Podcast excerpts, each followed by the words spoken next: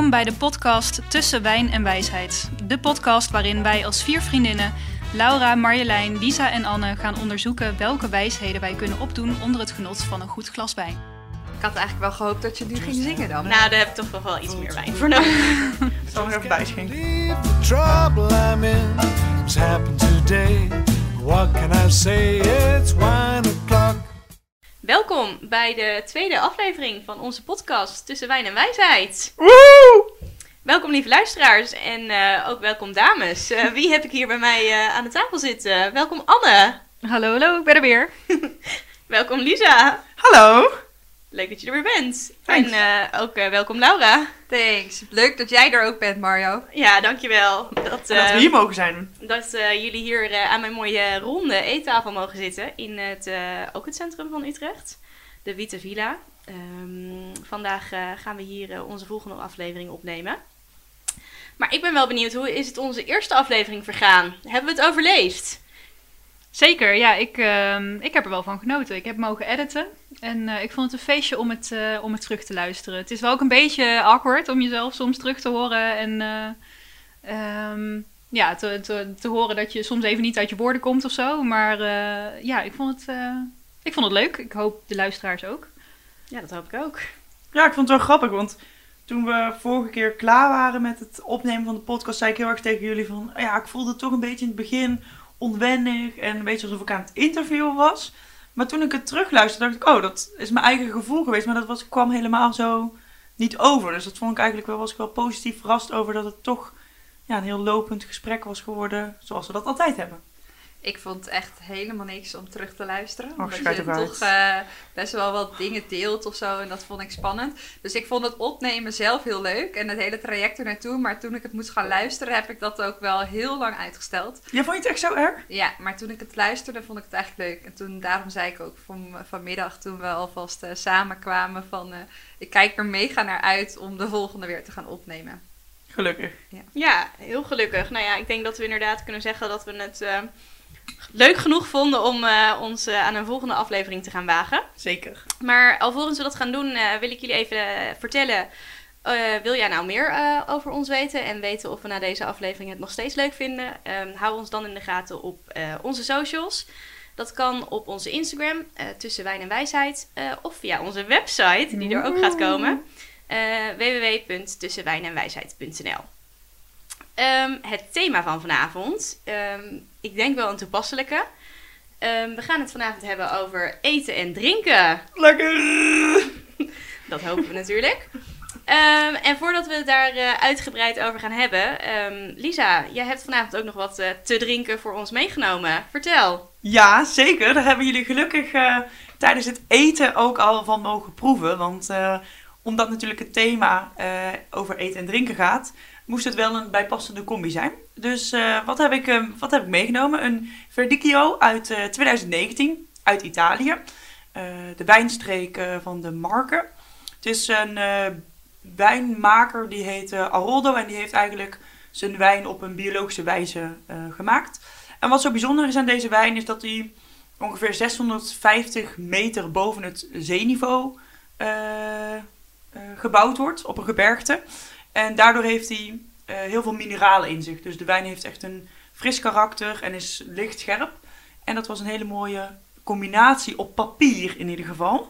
Eh, alvast met de volkoren pasta die jij had gemaakt met pesto van anchovies, knoflook en eh, basilicum en pecorino kaas. Ik snap dat jullie nu allemaal honger hebben als jullie dit horen. Ehm, en dat was wel leuk, want dat heb ik bij mijn favoriete wijnwinkel in Utrecht gekocht. de Grape District. En daar heeft eh, Meta, zal ik eerlijk toegeven, mij een beetje bij geholpen om deze wijn eh, uit te kiezen. Lekker. Proost, dames. Cheers! Proost. Nou, eh, iedere podcast beginnen we natuurlijk eh, met een soort van, eh, ja, ik kan wel zeggen, een mini-quiz. Om eh, te onderzoeken hoe wijs wij nu eigenlijk zijn. Ehm, en wat we eigenlijk al weten over het onderwerp. Eten en drinken. Nou, met ons Hotello-bloed verwacht ik eh, hier best wel veel van, zal ik Ik vind eerlijk het heel zeggen. spannend. De lat ligt hoog. En ik heb wat eh, vragen uitgekozen om eh, te checken of dat bij jullie het geval is. Ehm, eens even kijken. Nou, eten en drinken is een hele belangrijke behoefte van mensen. En Maslow, tot vandaag dacht ik altijd dat hij Maslow heette. Oh, dat dacht ik ook, dat dat zo was. Ja, ik dacht dat het een Rus was, maar het is een Amerikaan. Ik heb het even Oh, opgezocht. serieus? Maar Maslow, die rangschikte eh, de universele behoeften van de mens in zijn eh, mooie piramide, die iedereen natuurlijk kent. En ehm, daar staat ook eten en drinken in. En ik ben wel benieuwd, op welke plek in de piramide denken jullie dat eten en drinken staat? Oh, mijn oude werkgever wordt nu heel boos op me als ik dit antwoord niet weet. Is dat niet nummer één? Ik bedoel, zonder eten en drinken overleef je niet. Ja, ik dacht ook onderaan, de onderste balk. Nou, Of dat veiligheid daar nog voor zit, of die komt erna. ik eh, zal het eh, verklappen, jullie zitten goed. Het is op de eerste plek. Eten en drinken behoort Yes. tot de fysieke, Dat zei ik. fysiologische behoeftes eh, van een organisme. En ehm, eh, overigens vallen in deze categorie ook eh, slaap. Ehm, Ja, dat snap ik. voedsel en drinken dus. eh, het uitscheiden van ontlasting. Lekker kakken. Maar ook seks en andere lichamelijke zaken, zoals sport en comfort. Dus ik ben wel blij dat eten gelijk staat aan eh, Ik, seks. ik heb zojuist een piramide en een ladder door elkaar gehaald. Dankjewel. Ja. Ik vond het ook wel grappig, ik zie dat nu, maar eh, hij heeft nog een keer seks erin staan. Dus ik denk dat Maslow vindt dat we heel veel seks moeten hebben. ik zie dat nu ook bij die derde Is die kaal toevallig? Dit Ik is weet een- het niet. Dit is een tip voor alle luisteraars. Dit is een tip voor alle luisteraars. Raadpleeg de piramide van Maslow. Nou, ehm, tweede vraag. Eten en drinken lijkt dus best wel belangrijk. Maar ehm, if you pay, you pay attention. Ehm, dus ik ben wel benieuwd eh, naar de monies.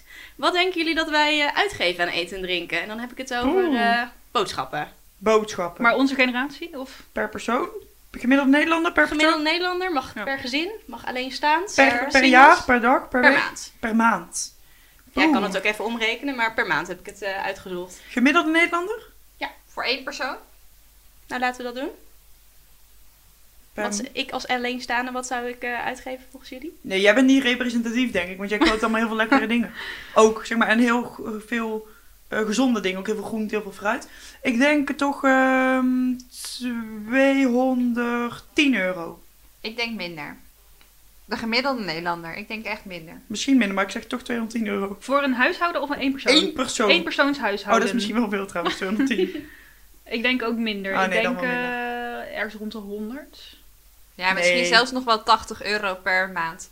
Per persoon. Nee, dat is weinig. Ja, dat is heel weinig. Maar ik denk echt, eh, wij zijn echt niet representatief. Nee, dat snap ik. Nee, er zijn, ja, Maar er zijn is ook heel veel eten echt heel, goed, heel goedkoop. Maar er is ook nog wel een standje boven ons, hè? Als je het hebt over seks, nee, grapje. Als je het hebt over mensen die boodschappen doen.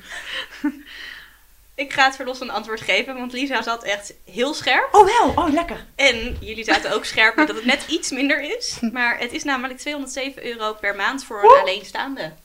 Maar het is Wat heb ik natuurlijk... Dat vind ik echt, dat vind ik echt veel. Ja, maar voor een alleenstaande is het natuurlijk ook wel weer duurder dan wanneer Ja, je met, een, met een gezin woont. Want het is altijd goedkoper om voor meer mensen te koken. Ja, ja ik zal ook even een waar. eh, gezin met minderjarige kinderen Oh ja. is maandelijks eh 492 euro kwijt. Ehm, en een stel zonder kinderen is 391 euro per maand. eh, komt daarmee uit. Nou, dat haal ik ook wel, denk ik. Ja, Tuurlijk. ik zit ook wel boven de 207 euro. Bij boodschappen, hè? Ja. Ja. Maar boodschappen doen we natuurlijk niet alleen. We gaan ook eh, af en toe eh, buiten de deur eten. Dat is in deze coronatijd wel wat eh, minder misschien. Maar ik ben ook wel benieuwd, eh, wat denken jullie dat nou ja, onze generatie uitgeeft aan eten buiten de deur? Per? Maand. Maand, per maand. Ik denk dat ze best vaak gaan, maar dan gemiddeld misschien niet zo heel veel besteden. Klopt. Dus dat ze dan voor 30 euro of zo gaan eten, maar dan misschien wel Eén, twee keer in de week, Ja. denk ik. in de week. Uit eten? Oh, dat is ook lunch en zo natuurlijk. Ja, of coffee ja, to ja, go. ja, Ja? coffee to go. Gaat dit ook weer over een bedrag? Ja, dit gaat ook weer over keiharde euro's. En dan nog zo bovenop die zeggen, boodschappen. Millennials geven veel uit. Wij voelen dat echt geloof ik eh, wel. Ja, ik zit nog een beetje tussen generaties. Ik zit ook een beetje aan generatie Z te denken. Want die besteden, denk ik, lager, maar gaan vaker. En millennials gaan misschien iets min, ietsjes minder vaak, maar besteden wel meer. Eh, ik zeg 270 euro. Nou, in dit geval is het gelukkig wat minder. Dan, Ja. Ik, eh, oh, ik wilde inderdaad 150 euro zeggen per Ik maand. zat ook te denken aan 100 euro of zo, maar dat is misschien wel wat laag. Nou, tussen de 100 en de 150 euro. Het is Oh. 125 euro per maand. Eh, in eh, 2019 gaf de gemiddelde millennial 1500 euro uit aan eh, eten en drinkgelederen bij de, buiten de deur. In een jaar. Ja, Oh, en ik ja. heb dus even voor het gemak Nee, snap ik. naar Best veel, man. van, eh, Dat haal ik ook wel. kun je van op vakantie. Ja, Wanneer Nee. gaan we? haal je ook veel plezier uit. Even kijken, ik ben ook wel benieuwd of jullie eh, wijs zijn op het gebied van eetgewoontes en wat de gemiddelde Nederlander eh, eet. Wat hebben we op ons bord liggen? S'avonds? Of s'avonds? Aardappel, eh, vlees, groente. een groot deel ben ik bang, ja. Ik denk ook veel eh, Italiaans, eh, Aziatische keuken. Ik denk ook inderdaad veel pasta's. Mhm. Ja, maar als je echt een favoriet gerecht moet eh, noemen, wat komt er dan bij je naar boven? Macaroni met kaas. Spaghetti bolognese. Ja, spaghetti. Ja, we eten veel pasta. eh, maar het, nog steeds eh, blijven Nederlanders toch wel het meest gesteld op het eh, traditionele prakkie. Van, eh, zoals Anne eigenlijk al zei, eh aardappels, vlees, groenten. AVG'tje. AVG'tje. Dat eten we gemiddeld drie keer in de week. En ehm, wat eten we daar dan bij? Je ziet dat als vlees dat we het vaakst eh, kiezen voor eh, varken. Vaak in de vorm van Schnitzel? gehakt. Oh, En eh, de meest gegeten groenten zijn eh, tomaat, ui en bloemkool. dus als je moet zeggen, nou wat, wat ligt er dan bij een gemiddelde Nederlander op het bord? Dan is het eh, bloemkool met gehaktballen en eh aardappels. Zegt eh, de quest. Dit eet ik gewoon nooit. ik ook echt Wij zijn zo gemiddeld. Maar ehm, we hebben het natuurlijk niet alleen over eten. We hebben het ook over drinken. En ehm, wat denken jullie? Drinken we meer bier of meer melk in Nederland? Bier. Oh, dat zou ik niet durven zeggen hoor. Oh, dat is wel... eh, ik denk ook dat we echt veel melk drinken. Melk voor elf. Maar melk minder misschien onder de jongeren. Ik denk van Ja, je hebt- studenten. Ja, maar je hebt ook natuurlijk mensen die eh, echt veel cappuccino's en dat soort Ja, dingen dat is wel drinken. waar. Het is gewoon bier. We drinken heel veel bier. dat, eh, de gemiddelde Nederlander drinkt ongeveer 78 liter bier per jaar. Dus eh, dat is best wel veel. Zoveel. 78 liter? Ja, En moet je ja. nagaan dat jij geen bier drinkt, dus dat iemand anders dat voor jou drinkt. Iemand anders drinkt dus gewoon 160 liter. Hè? Dat, eh, En er zijn er ook nog mensen die geen alcohol mogen drinken. Denk aan baby's. Ik weet niet of die hierin mee zijn genomen. maar- denk dat het gaat over de gemiddelde volwassen Nederlander. 18 plus, 18 plus. Don't try this at home. Ja. Speelbewust, speel 18 plus of zoiets. Oh, dat is voor de casino, sorry. Drink. Drink. Drink. Drinkbewust. Nou ja, we drinken het meest koffie en thee en daarna water. Dus dat wordt nog wel iets meer gedronken dan bier. Maar we drinken wel meer bier dan melk eh, in Nederland. Dus ehm, Why do I feel so weary? I honestly have to say, I've keeping myself so busy with and Chardonnay.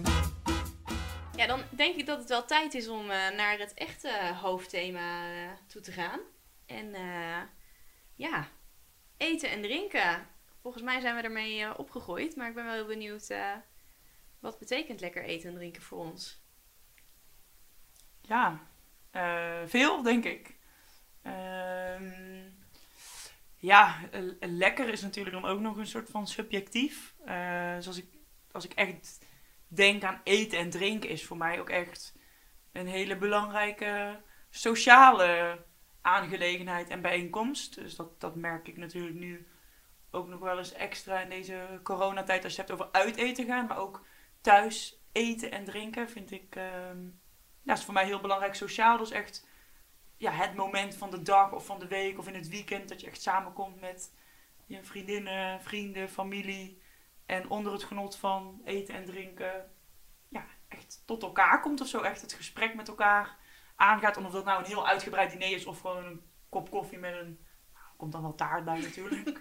dat maakt dan niet zoveel uit. Mm, ja, voor- dat, dat, Voor mij eh, eten en drinken verbindt heel erg. En, ja, dat is misschien het, het overkoepelende woord wat ik zocht. ja. Ja. Dus ik merk ook wel, ik vind eten en drinken met anderen ook echt een miljoen. Misschien nog wel meer dan een miljoen keer leuker dan in mijn eentje. Mhm. Op het ontbijt daar gelaten.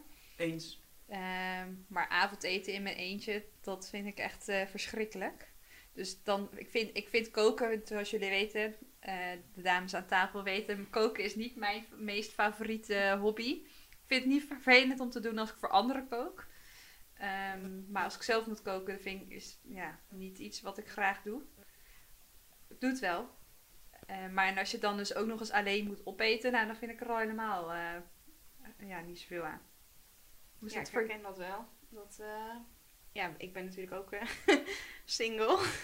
Dus ehm, ja, ik merk wel als ik alleen voor mezelf kook, dan flans ik even snel een pastaatje in elkaar of zo. Maar nou, als jullie bijvoorbeeld komen eten, dan in dit geval was het toevallig ook pasta. Maar dan doe ik daar wel wat meer eh, mijn best op, omdat ik het ook wel echt een verbindend eh, aspect vind.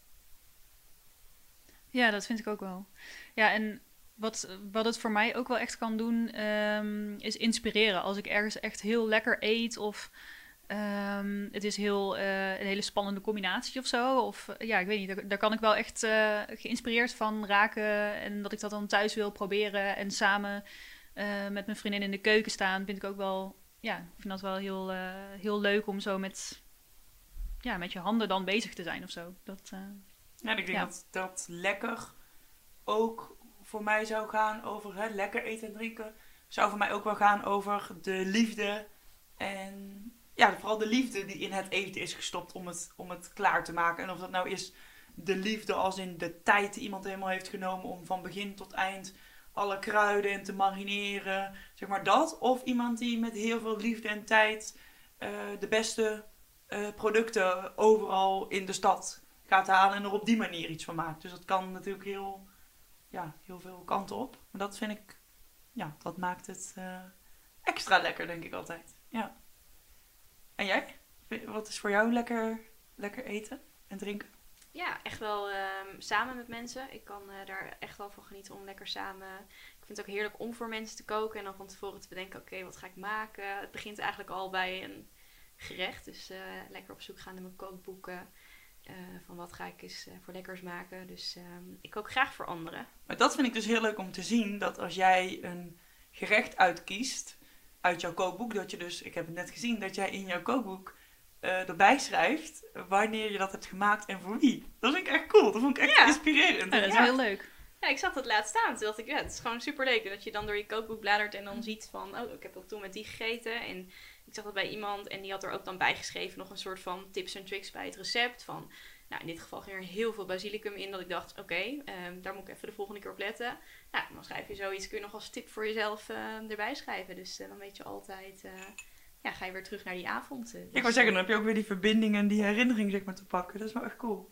Hebben jullie eten eigenlijk altijd lekker gevonden? Dat, eh, hoe was dat vroeger? Nou ja, bij mij, ehm, mijn ouders hebben wel een redelijke uitdaging gehad met mij als kind. Ik ben groot geworden op droog brood, frietjes, knakworsten, denk ik.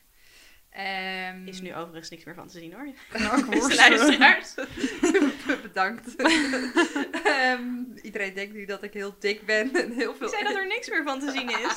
Nee, dat, dat je er gewoon super gezond uitziet. Dat, De blosjes op je wangen, daar hebben we het over.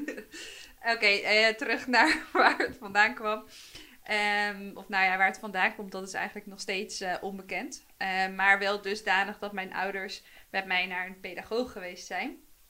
Ehm, waar ik serieus leerde eten. En dat klinkt heel abstract, maar dat begon met dat ik... Zeg, wat, wat, wat deden ze dan? Of wat, wat moest je daar dan doen? Ja, dat was Monique heette zij. Dat weet ik nog heel goed. Ik was ook echt jong. Ik denk dat ik een jaar of vier, vijf was. Mhm. En eh, leerde ik echt eten, aanraken. De volgende keer moest ik er aan ruiken. De eerste keer misschien alleen naar kijken. Totdat ik zeg maar echt een hapje ervoor nam. En wa- waren dat dan specifieke producten of die je echt niet lust of waar je weer meer moeite mee had? Nou, het waren echt basisproducten die ik daar leerde eten. Mhm. Ehm, dus mijn moeder die, ehm, en die moest daar dan thuis natuurlijk mee, oef- mee oefenen. En mijn ouders hebben dus ook tot ik, ik denk een jaar of 15, 16 was apart gekookt. Of misschien wel tot ik naar uit huis ging. Apart gekookt, omdat ik gewoon echt dingen niet had. En naarmate de tijd werd dat wel beter. Mhm. Ehm, maar goed, toen ging ik naar de hotelschool, waar ik jullie allemaal heb ontmoet. En dan heb je soms niet echt een keuze. Dus op het moment dat ik nu eh, lekker zalm eet bij mijn ouders, dan eh, kijken ze hun ogen uit. Ehm, Ja, ik weet het ook nog wel. Jij lust ook geen sla of zo. Echt iets heel geks. Oh, dat heb je wel eens verteld. Dat ik echt dacht, hoe kun je dat nou niet lusten of zo? Dat, ja, het heeft zo... zo ja, som, sommige sla heeft ook wel veel smaak, maar zoiets basis of zo. Dat vond ik echt bijzonder. ja, het is ook wel grappig hoor, want als je dan vraagt of, of kijkt wat, welke dingen ik als kind dan wel at, of bijvoorbeeld nu ook kijk naar dingen die ik bijvoorbeeld heel lekker vind, dan zijn dat hele uitgesproken smaken. Dus, Zoals wat dan? Eh, nou, truffel bijvoorbeeld. Of vroeger, als, tegenwoordig niet meer, maar vroeger altijd. Dus jij kreeg vroeger al truffelpasta. Nee. Ik wou zeggen, die ouders van jou, die konden in een portemonnee. Nee, Ik ga er wel meer uit dan dat heel Nederland. Nou, inderdaad. Nee, maar eh, te- en, eh, vroeger bijvoorbeeld at ik als kind wel levenworst. Eh, Oeh. nou, dat is natuurlijk heel specifiek Ja. smaak. Inderdaad. Ben ik Maar tegenwoordig... dat, dat zie je wel vaker. Dat kinderen dat dan wel lusten, terwijl ze verder niks lusten. Dat is zo Ja. gek. En wat zijn dingen die je nu echt niet lust? Nou, ik denk meer dan dat jullie denken. Noem eens wat. Wat lust je echt niet? Dat je denkt van dat, dat Banaan. Dat wisten we, maar de luisteraars nog niet. als Laura een banaan ruikt. Zelfs als ik, ik kan gewoon geen banaan meenemen als ik bij jou in de auto ga zitten, want je gaat echt over Maar welke, welke dingen denk jij dat wij dan niet van jou weten dat je niet lust? Ehm, nou, als je het hebt over bijvoorbeeld eh, broccoli of bloemkool. Als je dat zeg maar ergens doorheen zit, dan eet ik dat prima. Of laatst hadden we bloemkoolrijst. En dan vind ik dat echt anders, omdat het onderdeel van een recept is. Maar ik als ik, zeggen, wow. ja, maar als ik echt bloemkool moet eten, nou, dat vind ik echt... eh, Maar is dat de smaak of de structuur? ja, ik denk dus de structuur. Hm. Maar ook wel de geur alleen al. Dan, oh. Wow, respect dat je dit hebt gegeten.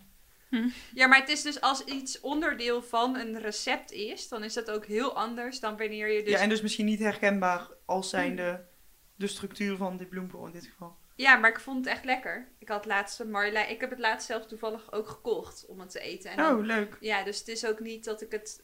Anders had ik het niet gekocht. Mhm. Is er iets wat jij echt niet lust, Anne? Nou, volgens mij niet. Nee, ik heb daar vaker over nagedacht, maar ik kan echt niet iets bedenken. Ik weet wel, toen ik nog vlees at, eh lustte ik echt geen orgaanvlees. Maar zoals lever, ja, dat, dat vond ik echt niet lekker. Leverworst dus ook niet. maar ehm, nee. Maar het is ook niet dat ik het niet eet. Ik bedoel, Mhm. als, je, als je me er mayonaise bij geeft, dan eet ik het wel op. Maar eh, wat vind jij eh, niet lekker? Ik lust eigenlijk wel eh, alles. Eh, maar we mochten vroeger eh, één gerecht hebben wat je absoluut niet eh, wilde eten. En bij mij was dat chili con carne. En ik heb dat eigenlijk al jarenlang niet meer gegeten. Ik ben ook heel benieuwd of ik het nu zou lusten. Maar ik weet nog echt, als ik dat alleen al rook, dan werd ik echt niet goed. Kan dat door de bonen dan? ja, door die bruine bonen. En er zat dan gehakt in. En gewoon ananas lust ik toen ook nog niet. Eeuw, ananas? Ja, dat in de zat er ook in. Ik weet, niet, ik weet het niet wat mijn ouders er allemaal in deden, maar ik vond het echt niet lekker. En Maar jij niet hield, ook, jij hield ook tot, eh, nou ik denk twee, drie jaar geleden überhaupt niet van ananas. nee, nee, dat is veranderd eh, in Indonesië. Als je daar ooit verse ananas hebt geproefd, dan... eh, nou, toen was ik echt helemaal om. Maar ja, bruine bonen, echt... Ja, ik zou het weer een keer moeten eten, maar... Ik weet ook nog wel toen wij gingen studeren dat mijn ouders echt zeiden van... Ja, Mario, dat moet je echt leren eten. Want tijdens studententijd, je krijgt het overal te eten. Dus in het begin, als ik bij mensen werd uitgenodigd van... Joh, kom je eten? Dan zei ik ook altijd van, wat gaan we eten? Want ik was zo bang dat ze zouden zeggen van... Ja, chili natuurlijk. Want eh, dat je was moed- blijkbaar eh, ja, een paar Maar- jaar geleden. Maar je Ik- moeder dacht dat er in de studententijd veel chili con carne werd gegeten? Ja, tijdens toen zij nog wat jonger waren, was dat helemaal de pasta pesto van nu. Ja, Ja, zeggen. Oh, grappig. Ja, grappig. Dus eh, ja, dat, dat is echt iets wat ik nou, misschien een keer weer gewoon moet uitproberen. Maar Wij eten het best wel vaak. Kom het maar een keer van mij eten. Is het dan chili sin carne? Ja, dan is het zinkarne, ja. Ja, nou daar ben ik wel, eh, meld ik me graag voor aan.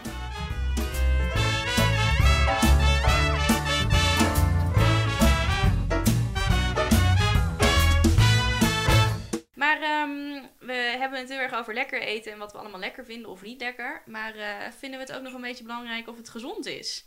Zijn wij meer van het genieten of ehm, meer ehm, healthy lifestyle eh, fit girls? No fit girls. Genieten. Nee, ik denk dat ik wel... eh, Ja, dat bij mij toch wel het, genieten wel voorop staat. Maar niet dusdanig extreem dat ik echt een ongezonde levensstijl heb van... Ik eet elke dag, eh, weet ik veel, friet of pizza of McDonald's. Dat is echt het uiterste. Ik eet wel superveel groente en fruit en... ehm, dat soort dingen. Maar ja, ik... eh, ja knal er ook wel wat snoepjes en koekjes eh, per dag doorheen, zeg maar. Dus dat, dat kan ik niet als healthy lifestyle fit girl bestempelen. En jij, Anne? Ik denk dat, dat ik meer in de categorie eh, fit girl val. Of nou, fit girl, dat, dat is niet helemaal waar. Zoveel sport ik niet. Maar wel eh, eh, de, de, de gezonde eh, eter. Ik vind, Zeker, ehm, vind ik ook wel. Ik, ik vind het eh, genieten soms ook wel lastig. En dat, eh, ik heb vijf jaar geleden de yogaopleiding eh gedaan. En ja, een van de ja, credo's, ik weet even niet een ander woord, was van je lichaam is je tempel. En dat maakte toen wel heel veel indruk op mij. Van je lichaam is je tempel, moet je goed verzorgen. En ehm, ehm, dus dat is mij altijd heel erg bijgebleven. En dat hoor ik, die mantra hoor ik ook nog wel in mijn hoofd als ik dus iets doe wat, wat niet, eh, niet goed is voor mijn lichaam. Niet altijd hoor, maar als ik, eh, als ik echt buiten mijn boekje ga. Ehm, dus ja, wat is en- jouw boekje?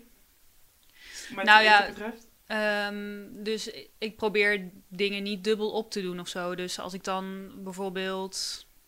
ehm, nou ja, als ik dan eh, bijvoorbeeld een appeltaartje neem, dan zou ik niet zo heel snel ook nog slagroom erbij nemen. Oh, oké, dat is wel echt een dikke tractatie als ik dat dan wel doe. Of als ik warme chocolademelk drink, niet ook nog slagroom. Mhm, Dus echt daarin, keuzes maken daarin. ja, daarin ben ik altijd wel een beetje in aan het balanceren. Niet altijd, maar nou, ik ben daar wel mee bezig. En ja, een, tijd, of een tijdje terug heb ik daar ook wel mezelf een beetje mee in de, in de knoei eh, gewerkt. Dat ik ook een, een tijdje daar echt wel in doorgeslagen ben. Dat, eh, dat gezond willen eten, zeg maar. Dus dat, eh, en daar heb ik gelukkig wel mezelf eh, op een gegeven moment kunnen herpakken. Hoe, hoe- Ehm. hoe kon je je daarop herpakken? Wat, wat gebeurde er? Net als dat mantra wat je net zegt van je lichaam is je tempel. Wat was het misschien, ja klinkt misschien gek, maar het mantra wat je toen hoorde dat je dacht nou, Anne, kom op. Niet, niet doorslaan nu verder. Nou, dat was eigenlijk toen ik oud ging, onder de douche. Eh, dat was in, ik was in het buitenland en ehm, ik had een, een, nou ja, een periode lang veel stress gehad, veel meegemaakt. En toen eh, was ik in het buitenland op mezelf aangewezen. En daar ging het eigenlijk mis, want ik merkte dat het me ehm, het gevoel van eh, regie Mhm. gaf. Ik had nergens. Nergens op dat moment controle over. En het was heel erg een ma- manier om de regie weer terug eh, ja, te winnen, als het ware. En dat ik me daardoor een soort van krachtig voelde van, oh ja, dit, eh, dit, dit kan ik of zo. Het is ik heel raar. Het gaf, ja, het gaf me echt een gevoel van, van ehm, ja, regie over mezelf of zo. Ik weet niet hoe ik het anders zou moeten omschrijven. Maar toen ging ik, ja, toen ging ik oud onder de douche. En toen dacht ik van, ja, shit, ik ben mezelf echt naar de vernieling aan het werken. En ehm, ja, dat, dat, eh, dat was heel stom. Ik dacht, of nou, dit is helemaal niet stom. Ik dacht op dat moment, dit kan ik mijn ouders niet aandoen. En toen ben ik dus weer, ben ik echt, eh, want ik had wel echt een stemmetje in mijn hoofd die zei dat ik niet moest eten of weinig moest eten. Ik had echt regels voor mezelf ingebouwd. En daar ben ik gewoon tegen in gaan eten, eigenlijk. Dus elke keer als mijn hoofd zei, dat moet je niet doen, toch doen. En nou ja, dat stemmetje er maar laten zijn, als het ware. Dus... eh, En is dat, is dat stemmetje er nog steeds?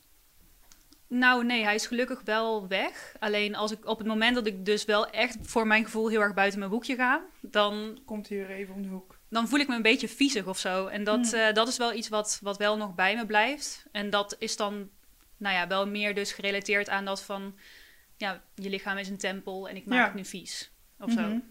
En ben je dan ook nog be- bewust bezig met calorieën of... ehm, Nee, dat helemaal niet meer. Nee.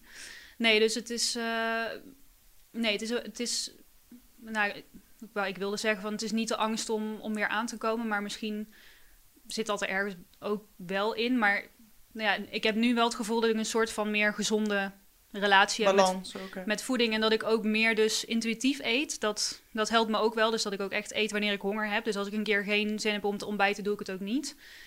Ehm, en ik heb het gevoel dat, omdat ik dus niet meer van die regeltjes eh, voor mezelf ehm, heb, dat dat heel erg helpt. Dus dat ik gewoon eet wanneer ik honger heb en Mhm. wa- waar ik voor, ja, voor mijn gevoel behoefte aan heb, zeg maar. Nou, heel goed denk ik ook. Ja. Zie jij dat ook zo, Mario? Ja, lichaam als tempel? Ja, je hebt er maar eentje, dus je moet er zeker zuinig op zijn. Ehm, maar ja, bij mij is het wel een beetje twee uitersten of zo. Dus het is of heel healthy of ehm, all the way. Dus ik kan ook wel echt goed genieten. Dat, ehm, met zowel eten als drinken. dat, ehm, Voor niks Mario wijn was het, hè? ja, nou, ik denk wel, eh, ik weet nog dat iemand mijn Instagram zag en zei van, ja, bij jou is het of hardlopen of eten.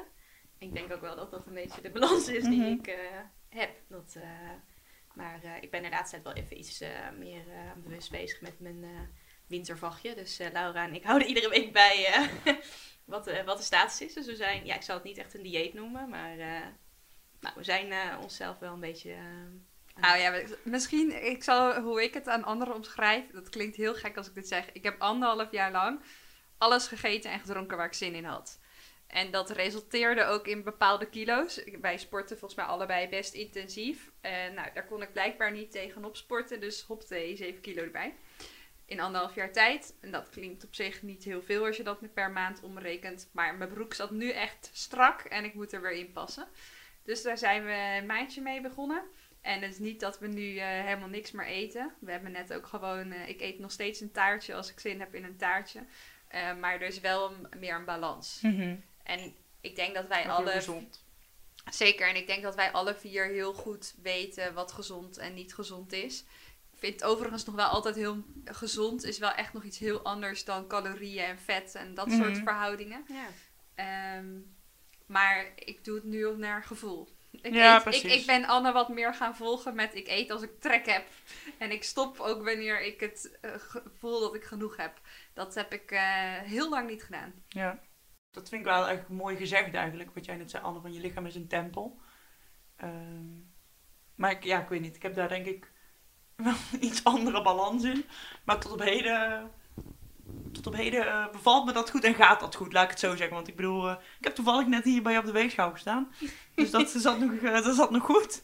Maar ehm, Ik weet nog, Ja. toen wij op die hotelschool begonnen, toen, toen hadden we een toespraak van onze directeur. Oh ja. En mijn- onze ouders zaten toen ook in een zaal. En toen was Ja. het advies van, goh, ehm, beste ouders, geef uw zoon of dochter een weegschaal. Want dat gaat u niet goed komen op die hotelschool. Het eerste half jaar 8 kilo. En eh, moet zeggen 8 kilo. die zaten er bij mij ook wel aan, ondanks eh, de weegschaal van mijn moeder. Bij mij ook naar het stage met jou, eh, Laura. Ja, bij mij was het op de hotelschool viel het nog wel mee. Maar toen Anne en ik gingen naar Madrid. en ons favoriete gerecht was croquetas de gamon. Dus dat ging lekker de frituur in. En elk weekend gingen we minimaal één keer uit eten. En er werd eigenlijk het hele weekend gestapt en gedronken. Het was Ja. ook een soort credo van... dat we maar moesten leren eten en drinken zoals de Spanjaarden dat deden. Totdat ik eh, echt het knoopje van mijn jasje voelde. niet meer. Tot was het moment dat ik ben gaan sporten. Was het op de terugweg of wanneer was dit? Nou, dat was denk ik laatste anderhalve maand. Ja. En wij woonden op zich wel op vier hoog, dus we moesten ook... Ja, voor mij heeft het echt niet gewerkt. Ik ben uit twee broeken gescheurd daar. Ja.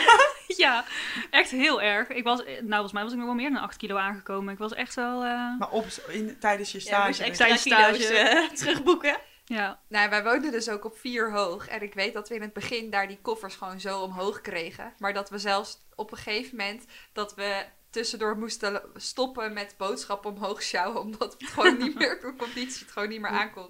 Dus dat is ook wel... Het Intens. is allemaal goed gekomen. We, ja, het is er daarna allemaal weer afgegaan.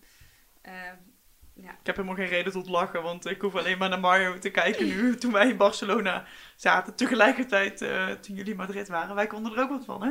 Ja, dat, eh, wij, ik weet nog dat wij gingen naar de supermarkt en we hadden gewoon één iemand liep achter het karretje. En de rest gooide alles wat je lekker vond, werd in dat karretje gegooid. Maar ook echt, als ik dan, ja, echt hilarisch als ik eraan terugdenk dat wij woonden ook wel hoog. Vier of vijf, ik we weet hadden niet. gelukkig een lift. Oh ja, wat, nee, maar ik ging niet met de lift, want ik vond die lift altijd eng. Dus ik liep dan nog wel trappen, de rest niet. Nee, grapje.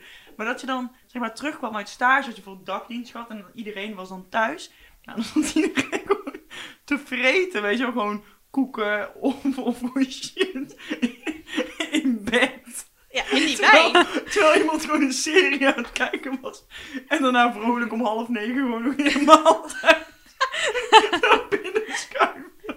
En dan laat hij wij maar achterwege. Ja, maar ik weet nog, daar hadden ze zo'n actie toen wij daar zaten, een half jaar lang. Oh En ja. Als je dan een fles van die, dat was gewoon de plaatselijke Ja. Eh, wijn van de wijnmaker uit Barcelona. Als je dan een fles witte wijn kocht, dan kreeg je een half flesje rode wijn er gewoon gratis bij. dus wij kochten altijd gewoon, ja, heel veel wijn. En dan kregen we ook nog eens heel veel wijn gratis erbij. Dus eh, Ja, hilarisch. dat waren Oh, nog eens tijden. Zo.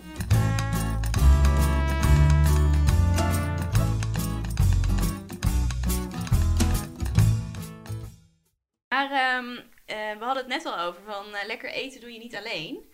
En soms ook wel eens met iemand ehm, eh, die je leuk vindt. Er is namelijk eh, ook zo'n eh, spreekwoord of gezegde. Ik weet nooit wat het is. Maar ze zeggen ook wel liefde van de man gaat door de maag. Of liefde van de vrouw gaat door de maag. En daar zong Ria Valk al over in de jaren zeventig. ehm, eh, een leuke carnavalshit. Ik zal het even voor jullie voorlezen. Dan klinkt het jullie misschien wel bekend in de oren. Ik had eigenlijk wel gehoopt dat je nu ging zingen dan. Nou, daar heb ik toch nog wel iets meer wijn voor nodig. Ik zal nog even bijschenken. U hoort het niet de eerste keer vandaag. De liefde van de man gaat door de maag. Dat moeten vrouwen weten. Mannen houden veel van eten. Ja, de liefde van de man gaat door de maag. Dus heb ik worstjes op mijn borstjes. Eitjes op mijn dijtjes, carbonade en salade op mijn bil. En allemaal! worstjes op mijn borstjes. Eitjes op mijn dijtjes, carbonade en salade op mijn bil.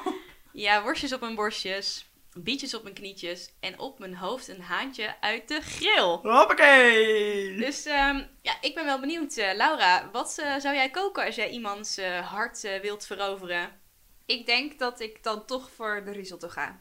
Want dat mislukt eigenlijk nooit. Dat hebben we zo vaak gemaakt. Dat eh, lukt eigenlijk altijd goed. En vind ik ook lekker. Die pokeball die je laatst had gemaakt was ook erg lekker, moet ik daarbij zeggen. Ah, dat is een goede tip. Ik heb ehm, Paola ook eh, verleid met risotto op eh, een van onze eerste dates. En toen eh, ging het hele busje Italiaanse kruiden er per ongeluk in. dat het dopje vloog eraf. ja, dat weet ik nog. En toen zei ik, nou, ik hoop dat je van Italiaanse kruiden houdt. Wat Maar zei ze toen? Dat durfde ze niet te zeggen dat ze het niet lekker ze heeft het gewoon opgegeten, dus ik denk dat het wel, wel goed is gekomen. Of ze was gewoon beleefd. Dat kan ook.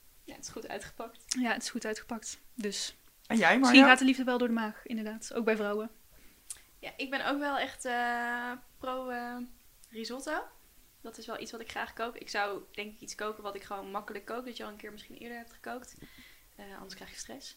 Ehm, ja. Iets waardoor je ehm, niet te veel in de keuken hoeft te staan. Mhm. Want je wil natuurlijk die beste persoon ook beter leren kennen. Dus, eh, Natuurlijk. Ik denk dat ik voor eh, een gerecht uit de oven zou gaan. eh, dat, eh, of Een soep. Ik zou eigenlijk gewoon zorgen dat hij kookt. Nog beter, nog beter. Dus, wil jij onze harten veroveren? Dat is, dat is een andere podcast, Marlijn. Dan kun je je aanmelden. Ik zou denk ik zorgen dat hij blijft slapen, zodat ik hem met een ontbijt kan veroveren. Ja, Ja, jouw ontbijtjes zijn ook wel eh, echt om... als je bij Lisa wil... bij- Iedereen wil bij Lisa logeren. Want dan bij Lisa krijg je echt het allerbeste ontbijt. Of de beste borrelplank. Alle twee. Maar het ontbijt is wel echt eh, spectaculair. Echt een Ja, hotelontbijt. ik- Dus ik zou wel voor het ontbijt gaan. Ik weet niet of ik meteen iemand zou blijven laten slapen, maar, maar goed. Nou Lies, er is nog een eh, bedje vrij. Dus ik zou zeggen, blijf slapen en maak Ja. morgen zo'n lekker ontbijt voor mij. eh. Gezellig.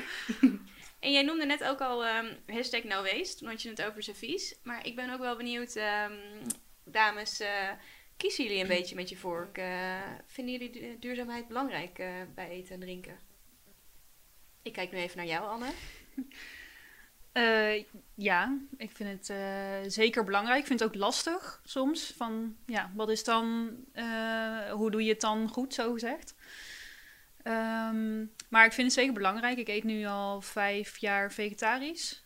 Anders zeggen, ik eet al vijf jaar geen vlees. Dan zeg ik het goed. Ehm, eigenlijk sinds de yogaopleiding ook, dus het is wel... eh, Tempel. ja, de tempel. Ehm, dus geen vlees. En ik heb ook nog een tijdje veganistisch eh, gegeten. Dat vond ik toch wel lastig. Ehm, niet zozeer qua nou ja, dat ik niet kon bedenken wat we dan moesten eten, want we eten nog steeds overwegend veganistisch. Maar ehm, ja, ik, ik bleef me toch wel afvragen van krijg ik alles wel eh, binnen? En ik voelde toch wel weer de behoefte naar dierlijke producten. Dus we eten nu wel weer ehm, eh, eieren en melk. Oh. En ik eet sinds kort dus ook weer vis. Eh, maar dat, Kaas. Ja, kaas, eh, ja, ook, ja, ja, zuivelproducten in het algemeen. Ehm, wel zoveel mogelijk, of eigenlijk altijd wel biologisch en als het even kan, biodynamisch. Dus ja, ik doe wel mijn best daarin, maar ik vind het wel, wel lastig. Ja. Waar koop jij die biologische of biodynamische producten dan? Misschien überhaupt even uitleggen, Ja. wat is biodynamisch voor onze luisteraars? Ik had exact Oh, dezelfde Sorry, vraag. ja, dat is eigenlijk best wel een goede vraag. Ik Geen, weet het, geen pesticiden eh, worden gebruikt? Ja, volgens mij inderdaad geen... Bij de verbouw van de gewassen bijvoorbeeld. Of eh, eh, bij vlees weet ik niet of het altijd zo is, maar waarschijnlijk niet met antibiotica wordt gewerkt. Dat is vaak biologisch. Ja, bij biologisch heb je inderdaad dus niet eh, die pesticiden wat jij zegt, geen hormonen ook niet. Ja, ja valt dat onder Ehm, antibiotica? Ja, antibiotica, ja, groeihormonen worden volgens mij ook wel eens toegevoegd. Maar nou ja, zoveel mogelijk de natuur de vrije loop. Alleen je hebt dan bij biologisch nog wel dat dan eh, bijvoorbeeld wordt gefocust op één ding. Dus biologische melk, biologische eieren. Dus eh, het is nog steeds wel een soort van massaproductie. Maar nou ja, je laat de natuur iets meer de vrije loop dan in Mhm. de reguliere. Want biodynamisch proberen de, de, de kringloop te sluiten. Dus eh, je hebt dan bijvoorbeeld, de boer verbouwt dan ook eh, het graan van eh, de dieren die het dan dus eten. Dus, dus ze verbouwen al biologisch graan, de dieren eten dat. Ehm, eh, en vervolgens de, nou ja, maken die dieren dan ook weer producten. Ja, en zo maken ze de, de cirkel dan eh, rond. Ik had het eigenlijk even moeten voorbereiden, want ik kan het Ja, even niet zo heel exact... biodynamisch eh, eigenlijk alleen met de wijn. Ja, ik, Anne legt het heel goed uit. Het is eigenlijk dat je de natuur eh, als één geheel beschouwt. Dus ook de Circle of die, life. Ja. in elkaar overlopen. Het is meer een holistische manier van boeren, dus Mhm. eh, ja, de cirkel sluiten. Maar waar, Ja. waar koop jij dan de biologische of biodynamische producten? Eh, biodynamisch eigenlijk eh, altijd wel bij Ecoplaza. Volgens mij heb je dat niet in de supermarkt, Ik, maar ja, dan daarom moet ik even het. Dat kan ik me niet voorstellen eigenlijk. Nou, wij kopen dus dan de, me- ja, de meterkeurmerk eh, Mhm. bij, de, bij de Ecoplaza. Eh, Dus, maar doe je al je boodschappen bij de Ecoplaza? Vind ik gewoon even interessant. Nee, nee, nee, dat niet. Nee, ook wel echt wel gewoon bij de supermarkt. eh. En dan koop je daar de biologische supermarkt. producten? Ja. Maar altijd, no matter what. Eh, nou, niet alles is er altijd biologisch, dus niet altijd. Oké. Nee, nee, maar-. En Lies, bij jou? Ehm, nou, ik vind dat heel belangrijk. Ehm, voor de luisteraars, ik heb gewerkt, misschien een kleine context, bij een eh, restaurant wat kookt met eh, onverkochte producten uit de supermarkt. Dus heel veel groente en fruit. Dus ehm, toen ben ik wel eh, meteen extra hard opgevoed als je het hebt over, daarom zei ik net al, no waste. Dus probeer thuis echt ook nog, ja, nog steeds wel zoveel mogelijk ook niet te verspillen. En eigenlijk zover het kan het gehele product te gebruiken. Dus om een klein voorbeeld te geven, als ik bij mijn ontbijt verse jus maak, dan eh, droog ik vaak de schilletjes in de droogoven. En dan, die eh, schilletjes kan je dan gebruiken om thee van te zetten. Ehm, nou, dat is even een klein voorbeeld. Leuke tip. Mm, Meteen een tip. En verder, eh, qua boodschappen doen, ben ik vooral de laatste periode wel heel erg daarmee bezig met wat ik koop, waar ik het koop. Ehm, ook omdat ik nu veel meer thuis ben en veel meer thuis eet. Want ja, in de horeca at ik ook heel vaak s'avonds op mijn werk. Mm, maar dat vind ik best wel lastig. eh, in de zin van, het, duizelt me soms zo aan ja, duizelt me soms zo aan informatie, maar ook wat is nu de beste keuze. eh, dat ik het soms wel heel erg moeilijk vind om de best, wat is nou de beste keuze om te maken. Het is ook wel in dit thema, eh, als je het dan hebt over duurzaamheid. Of nou, de vraag was volgens mij voornamelijk toch vanuit de hoek van duurzaamheid. Maar je hebt natuurlijk een aantal dingen waar je tussen moet kiezen, soms een soort van. En dat is gezondheid, duurzaamheid, maar ook dierenwelzijn, weet je wel. En ja, hoe, hoe weeg je die dan eh, ehm, ja, tegen elkaar af? Dat vind ik soms ook wel een, een lastige, want ik. eh, ik ben ooit gestopt met vlees eten ehm, vanuit gezondheidsoverwegingen. Mhm. Dat ik dacht dat het gezonder zou zijn. Maar inmiddels is voor mij dierenwelzijn veel belangrijker geworden. Ko- kook jij, Laura, kook jij lokaal of seizoensgebonden? Of... Ja, ik vind dat wel heel ingewikkeld hoor. Ik probeer, ehm, ik denk dat ik er minder mee bezig ben dan dat jullie allemaal zijn. Ehm, Ik probeer wel veel minder vlees te eten. Mhm. Ehm, dus daar wel, maar lokaal, eh, ja, ik, ik- probeer als ik dat zie hangen ergens, dan denk ik, oh ja, dat is goed, laat ik dat doen. Maar ik ben er niet zo bewust mee Mhm. bezig. Zou ik meer moeten doen. Wa- waarom vind je dat je dat meer zou moeten doen? Nou, ik, je, het is natuurlijk eigenlijk helemaal niet nodig om nu producten te eten die niet hier verbouwd worden. Er wordt genoeg in Nederland verbouwd om, eh, om, om ons ermee te kunnen voeden. Ehm, ja, dat vind ik ook met fruit. Waarom moet je hele exotische vruchten nu eten? Ja, ik eet het ook omdat ik het lekker vind. Ehm, Maar Ja, overigens wordt dat wel steeds duurzamer ook vervoerd. Ik kan nog steeds niet zeggen dat een vliegtuig duurzaam is, maar ik was een boek aan het lezen over de ananas. Oh, grappig dat jij dat dan leest. Komt die toch weer terug en dat wordt gewoon in passagiersvliegtuigen wordt dat, eh, vervoerd. In ieder geval in dat boek eh Mee vervoerd. dus mee eigenlijk, vervoerd. ja. Dus toen dacht ik wel van oké, nou, op dat soort... eh, ik wil nog steeds niet zeggen dat we het hele jaar ananas moeten eten, maar eh, ja, ik was daar ook wel verrast over eh, toen ik dat las. Ja, dat is ook heel lastig. Dan zou je onderhand van elk, eh, elk eh, ding wat je eet helemaal moeten gaan nagaan van waar komt het vandaan. En dat is gewoon als consument heel erg lastig om dat helemaal na te gaan. Ik heb ook wel eens gehoord dat een bepaald soort groente, die zou je hier in Nederland dan ook wel kunnen verbouwen, maar dan zou het zodanig veel eh, energie kosten dat je het Mm. dan inderdaad beter eh, vanuit een ander land kan, eh, kan importeren. Ja, als je dat voor elke groente op je bord moet gaan uitzoeken hoe dat zit. Ja, dat is bijna niet te doen. Ja, Mario, jij stelde net de vraag over ehm, als je het hebt van eet je met je eh, vork, dus vote of vote with je vork. Als jij iets zou mogen noemen met hier ga ik echt voor staan, hiervan laat ik zien eh, dat ik echt met mijn, mijn vork zeg maar eh, aan, de, aan de slag ben. Wat, wat, zou dan, wat zou dat dan zijn? Want dan ga je natuurlijk wel de impact en het verschil maken. Als we allemaal die ananas blijven eten, dan blijft die hier liggen. Dus wat, wat zou dat dan voor jou zijn? Ehm, leuke vraag. Dan, daar, sta ik ook, daar, daar geloof ik ook heel erg in. Van goh, als we allemaal het net iets beter doen, dan gaan we echt het verschil maken. Dus eh, daar, daar, ben, daar denk ik wel veel over na. En als ik dan zou moeten kiezen waar ga ik echt het verschil maken, dan denk ik dat het echt zit op voedselverspilling. Nog steeds. Voedselverspilling. Ja. er wordt nog steeds zoveel eten ehm, weggegooid. eh, en ik zal ook echt eh, eerlijk zeggen dat hier ook wel eens iets eh, Mhm. in de prullenbak verdwijnt. Maar ik ben daar wel eens heel actief nu mee bezig. Van oké, wat kook ik? Ik kook natuurlijk vaak alleen, dus ik kan makkelijk restjes opmaken. Mhm. Dus als ik iets overhoud van het avondeten, dan verwerk ik het weer in mijn lunch of eh, in mijn ontbijt. Ehm, ja, omdat ik wel echt geloof dat we daar heel veel te behalen hebben. Dus eh, dat zou voor mij wel op nummer 1 staan. Maar eh, daarnaast zijn er natuurlijk nog heel veel andere goede dingen om te doen.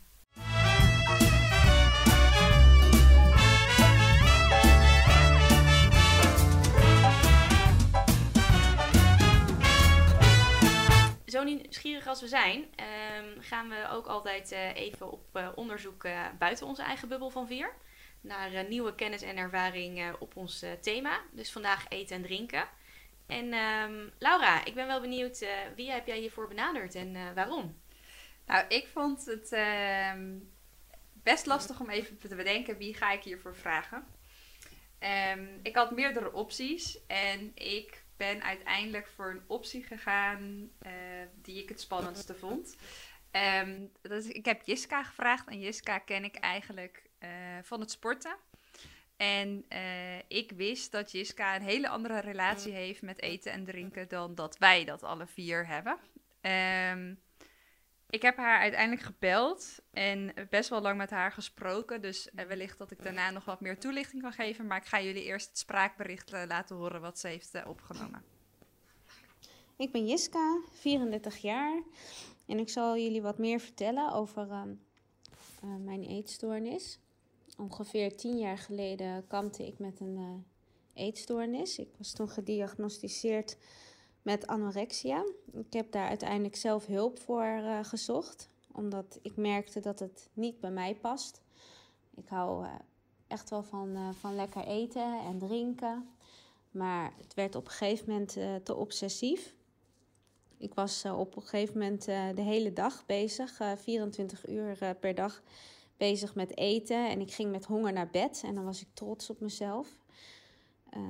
Het heeft in ieder geval niks te maken met eten. Het is meer dat je ergens goed in bent en eh, succeservaringen opdoet. Maar op een gegeven moment slaat dat door. En eh, wil je zo weinig mogelijk eten. En eh, zegt dat stemmetje in je hoofd dat je, dat je te veel eet. En dat je te weinig sport. En dat je te dik bent. Op een gegeven moment eh, ehm, krijg je ook wel last van, eh, van depressies. En ehm, je bent de hele tijd bezig met eten. Tenminste, je wilt het eh, zo min mogelijk eten, waardoor je dus weer gaat sporten. Sommigen hebben het door over te geven bijvoorbeeld. Maar ik had het door heel veel te gaan sporten. En voor de omgeving is dat helemaal niet fijn ook. En voor jezelf ook niet. Dus eten en drinken is niet voor iedereen even leuk. Heel, heel, heel eh, heftig. En eh, ik wil eigenlijk Jiska vooral even bedanken voor haar eh, lef en openhartigheid. Dat ze dit ja, zo ook eigenlijk hier en dus bij indirect dus ook, of direct eigenlijk bij iedereen thuis, ja, ter, Ja. ter oren brengt. En eh, heel dapper. Ja, mega. Het, eh, ik hoorde ook wel dingen die ehm, jij ook noemde, Anne. Daar schrok ik ook wel van. Dat, Ja. eh, ehm, ja, jij vertelde ook eh, over, de hele, over de controle hebben en daar de hele dag mee bezig zijn. En ik ben ook de hele dag bezig met eten en drinken. Maar ja, dit is zo'n andere wereld. Ik kan er heel moeilijk ook een voorstelling bij maken, maar het komt wel echt binnen. Ja, en dat zij ook zegt van dat gaat niet per se echt over eten en drinken, maar meer over de eh, successen en de controle. Is dat voor jou hetzelfde als wij dit nou tegen jou zeggen? Of is dat voor jou wel anders, Anne? N- nou, ik vind het wel her- heel herkenbaar. Dat 24-7 bezig zijn met eten, dat, dat, dat herken ik wel. Ook die.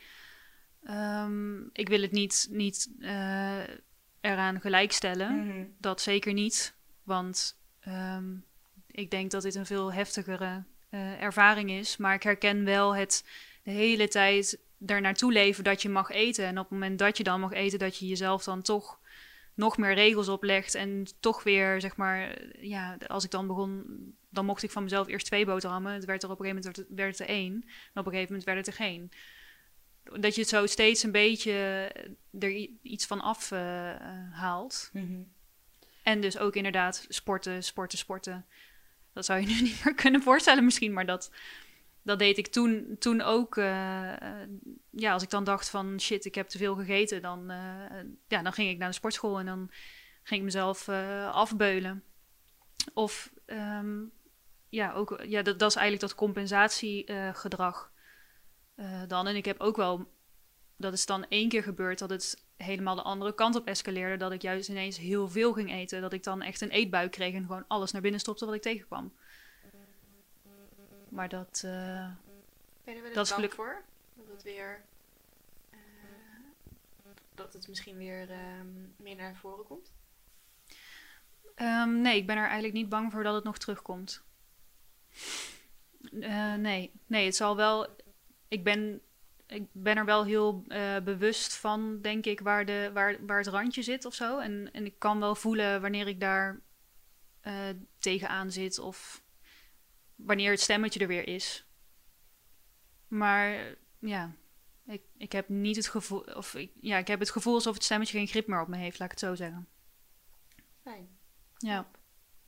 Ik had ook aan Jiska gevraagd hoe dat voor haar was, hoe dat nu is. En zij houdt dus heel erg van lekker eten en drinken. En als je haar Instagram bekijkt, dan zie je dat ook, dat ze lekker eet en drinkt. Maar zij zegt het zit ook heel erg in het vergelijken met anderen. Dus als Mhm. zij, zij vertelde dat ze, ehm, zij sport ook heel veel. Maar als ze dan ziet dat iemand anders meer heeft hardgelopen dan dat zij heeft gedaan. Of dat iemand eh, minder heeft gegeten dan dat zij heeft, dat ze dat continu moet compenseren. Of daar ook, het is een soort prestatiedrang die je jezelf oplegt. Mag ik vragen eh, of ze dat nu nog heeft? Ja, dat heeft ze nog steeds Mhm. wel. Dat wat ze wel vertelde, wel in veel mindere mate dan dat het was. En ze is nu een gezonde jonge vrouw Gelukkig. eh, met kinderen. Ehm, maar ja, dat stemmetje is er nog steeds. Mhm. Ja. Dus het blijft een. Wat zij vertelde is dat het blijft een. eh, het is nooit zomaar weg. Mhm, Nee. Denk je, de- denken jullie dat het jullie zou kunnen gebeuren? Ik denk dat de lijn eh, heel dun is. En zeker in de maatschappij waarin we leven, dat het eh, inderdaad ook heel veel daarmee te maken heeft met druk die je ervaart van anderen. En eh, ja, dat het echt. eh, daar- daarmee wil ik niet zeggen van oké, het overkomt je snel. Maar ja, ik ben er wel ergens. eh, ik denk dat we daar. eh, dat het je sneller overkomt dan je denkt. En daar gaan we hem ook mee eh, afronden. Ik ben wel heel benieuwd, eh, dames. Wat, ehm, welke wijsheden hebben jullie eh, opgedaan in deze aflevering over eten en drinken? Lisa, wil jij daar misschien iets over zeggen? Zeker. Ehm, ik denk dat, nou, de grootste, noem het even wijsheid, maar voor mij met name besefmoment, is eigenlijk wel eh, dat ik even met twee benen op de grond sta en dat het voor mij best wel hè, in, in deze setting eh, een luxe positie is.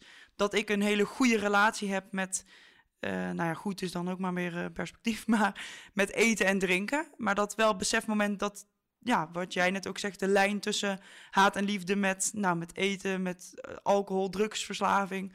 maar in deze, dit geval ook met het, het genieten van eten en drinken en het dus, ja, de struggle daarmee. Ja, dat ik me, nou ik noem het even gelukkig prijs dat ik daarmee zo lekker in mijn vel zit. Maar dat dat, wordt een lang verhaal, dat dat niet voor iedereen zo is. Ja, ik denk dat je dat wel eh, heel goed zegt. Dat we dat echt wel vandaag, eh, ja, daarbij hebben stilgestaan. Ik ben ook wel heel benieuwd eh, wat jullie, lieve luisteraars, van deze aflevering hebben geleerd. Dus we vinden het heel leuk om te horen welke we- wijsheden jij hebt opgedaan. Eh, dat kun je ons laten weten via onze socials. Eh, stuur ons een eh, DM via Instagram, tussen wijn en wijsheid. Of een mailtje eh, naar tussenwijnenwijsheid.gmail.com. Ik wil jullie in ieder geval hartstikke bedanken voor het luisteren naar deze aflevering. En ehm, eh, tot de volgende keer. Doei! It's wine o'clock. It's wine